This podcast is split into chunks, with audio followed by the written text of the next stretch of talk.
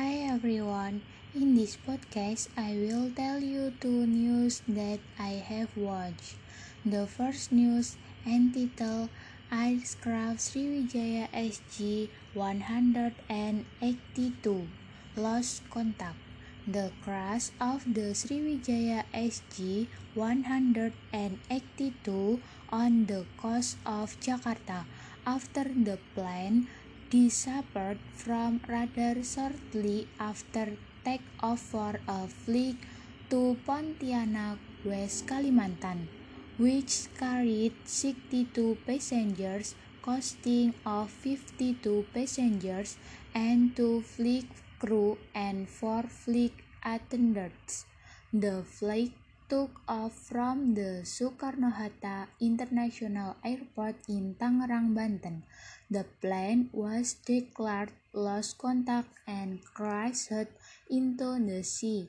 The team has found some of the plane's wreckage and it is believed that it belonged to Sriwijaya SG. The Basarnas team also sent four ships and three navies in order to find the Sriwijaya SG plane that crashed.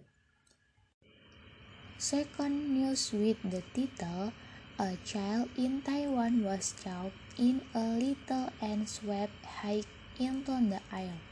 A kid festival in Taiwan has seen a cast of a three years old girl getting entangled in the tail of a kid and flying high into the air for 30 seconds. The giant plane orange kid quickly flew away due to the strong and uncontrollable wind, and videos would get circulate on social media. The screams of the audience were heard in the video's recording, the after being broke down again with the efforts of the committee.